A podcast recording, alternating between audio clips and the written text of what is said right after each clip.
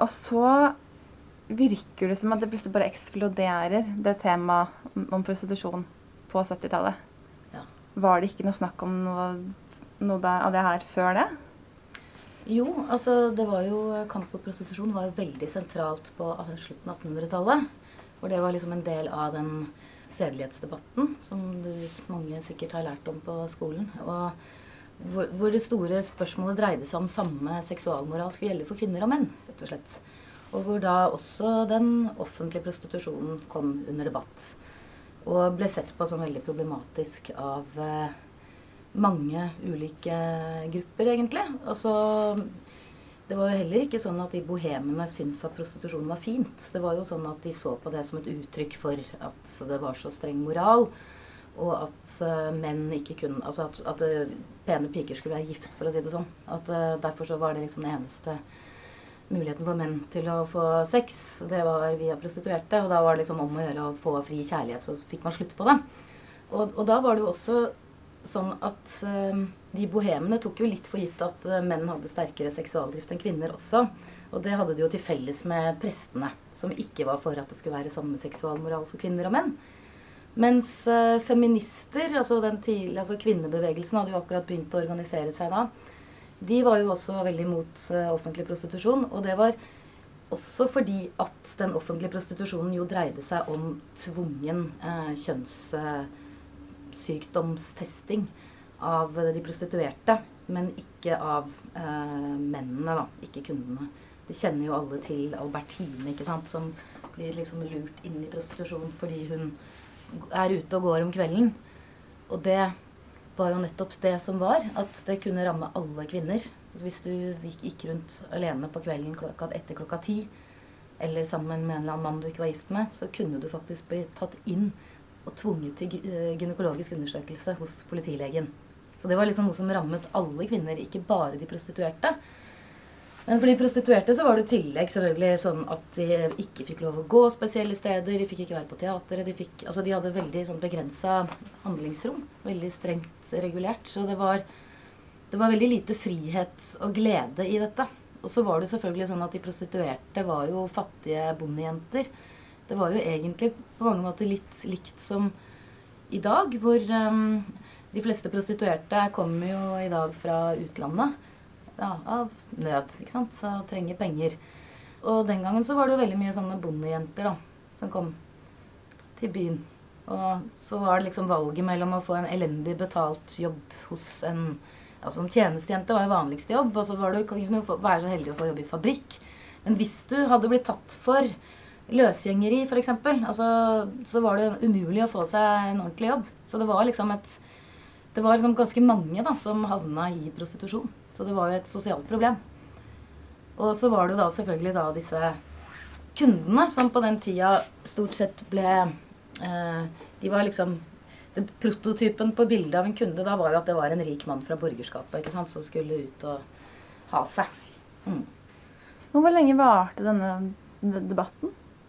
Altså det, det, var jo særlig på første halvdel av uh, 1880-tallet. For 1880-tallet var jo en sånn veldig spennende periode i norsk historie som var sånn kjempepolitisert. Det var jo da parlamentarisme kom, og det var masse debatter med, om demokrati, hva slags samfunn man ville ha. Kvinnesaken kom opp. Arbeiderbevegelsen. Arbeiderbevegelsen var jo også veldig aktiv i kamp mot prostitusjon og det som var, var jo at i Norge så fikk man jo av Altså det ble jo slutt på den offentlige prostitusjonen. Altså den regulerte formen at man hadde bordeller, og de ble kontrollert to ganger i uka sånn. Allerede i 1886. Så at man hadde det fra 1842, og så varte det til 1886 i Norge. Mens i f.eks. Sverige så varte det fram til 1916. Og da var argumentet at man skulle hindre at det ble spredd smitte. At man, man kontrollere. For det var jo det viktigste med den offentlige prostitusjonen. Det var jo det at, man, at de prostituerte ble registrert og kontrollert for kjønnssykdommer én til to ganger i uka. Som vist på det berømte bildet av Albertine på politilegens venteværelse. Så det var veldig sånn, det ble selvfølgelig ikke slutt på prostitusjon av den grunn, men det ble jo et mindre omfang. Og så, og så var det jo ikke så mye Altså det, det foregikk jo selvfølgelig prostitusjon, men det var jo ikke sånn veldig veldig mye av det egentlig i, i, Norge i forhold til mange andre steder. Men følger det på en måte For du, du sier jo at 1880-tallet var veldig sånn politisk. Mm. Men det samme skjer jo på 70-tallet. Ja, ikke sant? At det følger en sånn samme bevegelse. Ja, det er, det er faktisk veldig sånn likhetstrekk mellom eh, 1880 og 1970-tallet, syns jeg. Som, hvor det er liksom masse radikale bevegelser og, og også mye motstand og liksom voldsomme politiske debatter.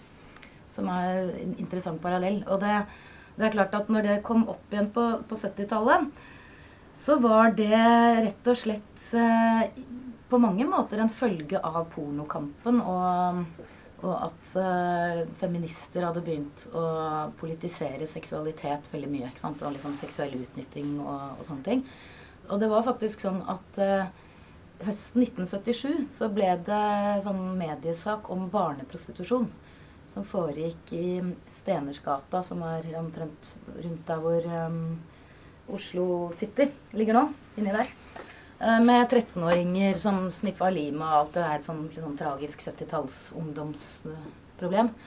Som fikk enormt mye oppmerksomhet, og som gjorde at Oslo kommune og barnevernet og liksom diverse instanser satte i gang et prosjekt som het Oslo-prosjektet, hvor, um, hvor de skulle liksom kartlegge uh, omfanget av prostitusjon. Og hvor uh, sånne som Liv Finstad og Cecilie Høygård, uh, etter hvert, som da etter hvert ble ganske kjente prostitusjonsforskere, kanskje fikk sin liksom første ordentlige liksom sånn forskningsfinansiering. Og så, men de ønsket jo at dette skulle ikke bare handle om barneprostituerte, men at det skulle handle om prostitusjon generelt. Og det ble det jo da liksom etter hvert. Men var, var det mye barneprostitusjon på 70-tallet? Altså jeg er ikke helt sikker på hvor mye det var, men altså det fikk jo mye oppmerksomhet iallfall.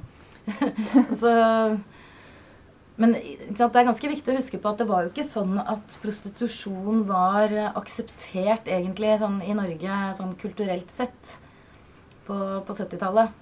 Altså det foregikk, men det, det har jo egentlig aldri Eller det er jo ikke nå heller, men sånn hvis du sammenligner med mange andre land hvor det å Altså Spania, ikke sant, hvor det å ha sin seksuelle debut gjør man gjerne med prostituert. Det er liksom en del av det liksom kultur, kulturelle livet. Altså gjerne romantisert gjennom uh, litteratur og kunst osv. Sånn, som I Frankrike også det jo, har det jo vært litt sånn. Men uh, det har det jo ikke vært i Norge siden ja, Det var jo egentlig ikke det på 1800-tallet heller.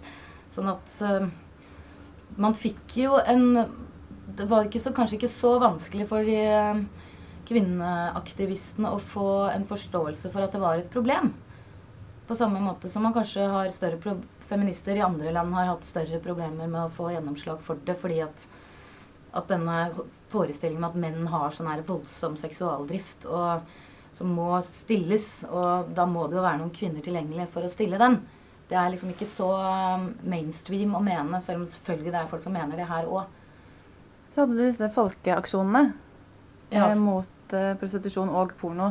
Mm. Var det en veldig sånn samlende den bevegelsen og kampen mot disse to tingene på 70-tallet? Ja, altså Særlig 80-tallet, kanskje. Um, ja, det var, jo, det var jo det. Altså, fordi først så kom jo pornokampen, eh, hvor det ble en eh, ganske stor bevegelse som het først bare Kvinnenes fellesaksjon mot pornografi. Hvor det da var alt fra feminister til eh, bondekvinner og veldig sånn Men det, det, var, det var liksom en kvinneaksjon mer. Men i 1981, det er liksom et sånt um, slags uh, vannskille, heter det vel, uh, da da på bakgrunn av forskningen til Liv Finstad og Cecilie Høygård, så bestemte man seg da for å inkludere kamp mot prostitusjon som en del av kamp mot porno. Og, og gå inn for kriminalisering av horekunder, som da var det nye navnet som ble oppfunnet da i den forbindelse. Og det var jo rett og slett fordi at um, Altså at det kom som et krav. Det var fra disse forskerne, og som sa at nå måtte kamp mot prostitusjon bli en viktig del av kvinnebevegelsens kamp. Og hvor, hvor det på den tida var en veldig nært forhold mellom aktivister og forskere. Og da Grunnen til at de så dette i sammenheng, var jo Det var jo selvfølgelig både fordi at de prostituerte og de som spilte i porno, altså pornomodeller, basert på deres historie, at det var liksom ganske nære forhold mellom ja, å ha sex betalt foran kamera eller å eller prostituere seg. Men også fordi at pornobladene hadde også veldig sånn romantisering av prostitusjon. Det var jo prostitusjonsannonser, det var liksom reklame for eh, sexreiser, som det het, til Thailand. Så den glorifiserte prostitusjon gjennom artikler. Og også da som feministene mente at de liksom framstilte sex på en sånn tingliggjort måte om at liksom, her er liksom, kvinner er til for mannens uh, slukke mannens lyster da, mer enn som, som et eget seksualsubjekt. da. Men når da prostitusjonen kommer inn i kvinnekampen mm. fra starten av 80-tallet, er det nå det blir et likestillingsproblem, på en måte? Nei, altså jeg vil si at det, det ble jo det var kanskje mer fordi at det ikke hadde vært snakka om det på så lang tid. At det kunne virke som det var helt nytt. Men egentlig, så hvis du ser på liksom hvordan man argumenterte på 1800-tallet, sånn, så var det ikke så veldig forskjellig, faktisk. Altså Det er jo det som er litt morsomt med historie. Når Hvis du ser på hva slags argumenter politiske argumenter var det som ble brukt før, så er det Du kan nesten alltid, kan nesten alltid finne noen som sa det enda før det igjen. ikke sant? Men det som var litt spesielt med den bevegelsen på 80-tallet, da, som da skiftet navn til Fellesaksjonen mot pornografi og prostitusjon, da åpnet det jo da for kjønnsblandede øh, organisasjoner også. Og da var det jo nesten på midten av sånn rundt 85 så var det um, nesten 40 organisasjoner. Alle var landsomfattende tilslutta. Som representerte til sammen nesten en halv million medlemmer. Det er ganske mye i et land med fire millioner mennesker. Men var de veldig da, homogene, eller var det liksom alle slags interesser? Ja, ikke sant? og det er det, det som er morsomt. da, For da har du jo liksom for eksempel, Det er Kvinnefronten og, og sånne feminister. ikke sant? Men også Unge Venstre for eksempel, var med alle, ikke alle ungdomspartiene, men Høyrekvinnene var tilslutta. Senterungdommen. Fagforeninger. Alskens. Eh, jeg har en hel liste. Det var jo nesten ikke en type organisasjon som ikke var med. Så det var, det var en veldig folkebevegelse. Men så fikk du jo da den nye pornoloven i 1985. Og da ser man jo merkbart at, det, at aktivismen forsvant. For da hadde man liksom fått en ny lov som da eksplisitt forbød Dyresex, barn, sex med barn, eh, vold, eh, nedverdigelse, også sadisme osv. Så, så det fikk man først i 1985? Ja. Og da tenkte nok mange at ok, nå kan man bare gå over og anmelde dette til politiet og sånne ting istedenfor å, å altså, Det var jo ikke sånn at aktivismen slutta helt, men det ble merkbart mindre. Men så ble det jo sånn at det var jo ikke sånn at uh, politiet Altså det ble jo stort sett henlagt alt sammen likevel. Og når det gjaldt uh, prostitusjon, så var det jo da også sånn at man eh, At da kravet om å kriminalisere horekunder, som man jo sa det var jo Ordet horekunde ble jo funnet opp for at man skulle kunne skrive det på disse bilene, disse aksjonene mot Man tagga liksom horekunde på bilene til For å si at det her er mennesker som Ja. Mm -hmm. Da eh, det var for å snu stigma ikke sant, fra de prostituerte som liksom står på gata til eh, spott og spe, holdt jeg på å si, til kundene som liksom sitter inni bilene sine beskyttet. da liksom å få de fram i lyset. Og da ble jo uh, kriminalisering av sexkjøp diskutert i Stortinget på, på begynnelsen av 80-tallet, 86. Altså det var flere runder, men det ble ikke vedtatt den gangen. Og det var veldig, en viktig grunn til det var jo at uh, politiet var imot fordi de ville at man skulle prioritere narkotikaondet. Og ikke gå på liksom kundene. De mente at det ble for ressurskrevende. Så det var liksom hovedargumentet den gangen. Og så forsvant det litt sånn fra 80-tallet, og så ble det tatt opp igjen eh, av kvinnebevegelsen på slutten av 90-tallet, når Sverige vedtok sin sexkjøpslov i 1998. Så, så da så man til Sverige, så mm. prøvde man samme i Norge? Da hadde det liksom vært borte fra debatten en tiårs tid. Så kom det jo for fullt da, ikke sant. Og så, og så ble det jo ekstra mye blest om det eh, Det er det ingen tvil om. At det at de nigerianske prostituerte kom til Oslo og da liksom hadde en såkalt pågående strategi, sånn at mange menn følte at de nærmest ble antastet på åpen gate. Det var det en del som ikke likte. fordi Før så var liksom prostitusjon var litt mer i de der gatene nede i strøket, liksom. Mens at de begynte å komme opp på Karl Johan og spørre pene borgere, det, det syns jo en del var drøyt. sånn det, det, er ikke tvil om at det bidro også til um, å få saken opp igjen, i tillegg til at feminister hadde mobilisert. Men også det at selvfølgelig historier om trafficking og menneskehandel og sånn kom mer opp på dagsordenen. Fordi tidligere, sant, i, da det var en stor sak på begynnelsen av 80-tallet, så var det jo nesten bare norske prostituerte. Og veldig mange av de hadde jo, var jo narkomane og finansierte stoffbruken sin gjennom prostitusjon. Sånn at da var det jo også litt mer sånn det var, litt, det var min, mye mindre forhold. ikke sant? Det var mye mer, kanskje litt sånn enklere å si at ok, vi ordner jobb og utdanning og sted å bo og bla, bla, bla, og avrusning og sånn. Så kan vi løse problemet der. Men på den måten istedenfor. Det var nok en del som tenkte sånn. Mens, på, mm, mens etter at denne prostitusjonen ble mer transnasjonal, så, så ble det et mye mer eh, stort kompleks, da. Og mer synlig? Når de ble Det ble nok også mer synlig, ja. Mm. Mm. ja. Jeg vet ikke når det startet, men i hvert fall de siste årene så har man jo hatt den debatten om det er prostitusjon eller om det er sexarbeid. Ja. Og den preger veldig eh, venstresiden, ja. som er veldig imot Det som er veldig verdt å legge merke til der, er jo at eh, det begrepet sexarbeid, det innebefatter jo alle som jobber innafor sexindustrien. Det inkluderer også halliker. Det inkluderer også de som driver en eskorteside. Det inkluderer de som leier ut leilighet til prostitusjon. ikke sant? Sånn at det er eh, Man snakker jo om noe annet da, enn om de som er direkte prostituerte selv. Sånn at uh, i Frankrike f.eks., som jeg kjenner ganske godt til, hvordan, uh, hvordan, diskusjonene og mobiliseringen mot prostitusjon og for og mot har foregått der, så er det jo sånn at denne Strass, uh, som kaller seg en fagforening for sexarbeidere, den er startet av en hallik det er jo ingen andre fagforeninger hvor det er liksom arbeidsgiverne som setter i gang og starter og sier at her er vi i samme båt, arbeidsgivere og arbeidstakere, for å si det sånn. Det er jo vanligvis en, sånn at det skal være en motsetning til en arbeidsgiver når du lager en fagforening, og ikke i kompaniskap.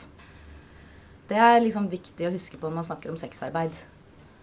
Eh, og så tenkte jeg bare sånn helt til slutt, for nå er man jo veldig opptatt av eh, dette med menneskeverd Mm. Eh, og det at man det nærmest eh, skal kunne kreve at man kan må det kjøpe det andre mennesket. Men var det en like stor del av debatten også på 80-tallet? Menneskeverd? Ja, det vil jeg si. Og det, det, er ganske interessant å se på sånne debatter av også hva stortingspolitikere eh, sa. ikke sant? Som sa jo det at horekunder er en svin osv. Det, det, det var jo sånn som f.eks. mannlige representanter fra Høyre kunne finne på å si.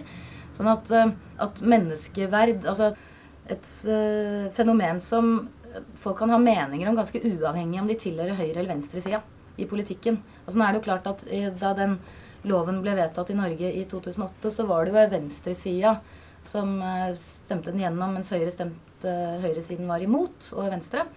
Mens men det er klart at dette, hva man mener om dette her, går jo helt på tvers av høyre-venstre-aksen i politikken ofte. Men jeg vil jo si at den sexkjøpsloven har vært en veldig sånn viktig likestillingsreform.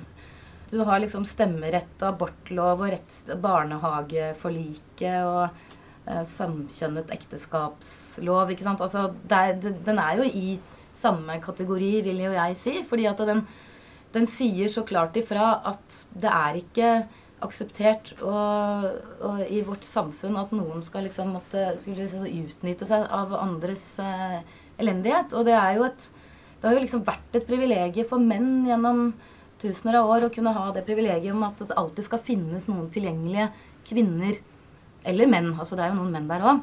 Men de, 99% av kundene er menn. Det om, det er et kjønnsspørsmål, uh, dette her. Og at det alltid skal liksom være noen tilgjengelige som man kan kunne tømme seg i uansett. Og sette en stopper for det. Det er en veldig viktig sånn likestillingspolitisk uh, sak. Samtidig som den jo ikke er først og fremst framstilt som det nødvendigvis. Den er framstilt for å bekjempe trafficking og sånne ting. Men man kan jo tolke det på forskjellige måter. Men det jeg tenker på, er uh, veldig uheldig med den uh, loven. eller ikke uheldig med loven. Det mest uheldige med loven er jo at den ikke håndheves nok, selvfølgelig. Og det andre er jo at man ikke har satt i gang de hjelpetiltakene for prostituerte som man burde ha gjort. Og som jeg også er helt sikker på at de er enig med meg i, i Pion eller i, på Prosenteret, det er jo at at utlendingsloven brukes mot prostituerte som ikke tør å anmelde voldelige kunder fordi de er redde for å bli kasta ut av landet. Og da er det veldig viktig å huske på at det er ikke sexkjøpsloven sin skyld. Det er utlendingsloven sin skyld. Og at ikke det er gode nok hjelpetiltak, det er heller ikke sexkjøpsloven sin skyld. Så det, man, man, man, må liksom klare å skille bart og snørr liksom, når man snakker om dette problemet. Fordi det er mange som syns det er eh, veldig ille at prostituerte blir kasta ut av landet og ikke tør å anmelde overgrep. Men da må man ikke gå til angrep på sexkjøpsloven. Da må man gå til angrep på andre lover og, og sånn. Og da må man heller gi mer penger til sånn som f.eks. Rosa-prosjektet. Og styrke liksom rettsvernet til de som uh, anmelder, rett og slett.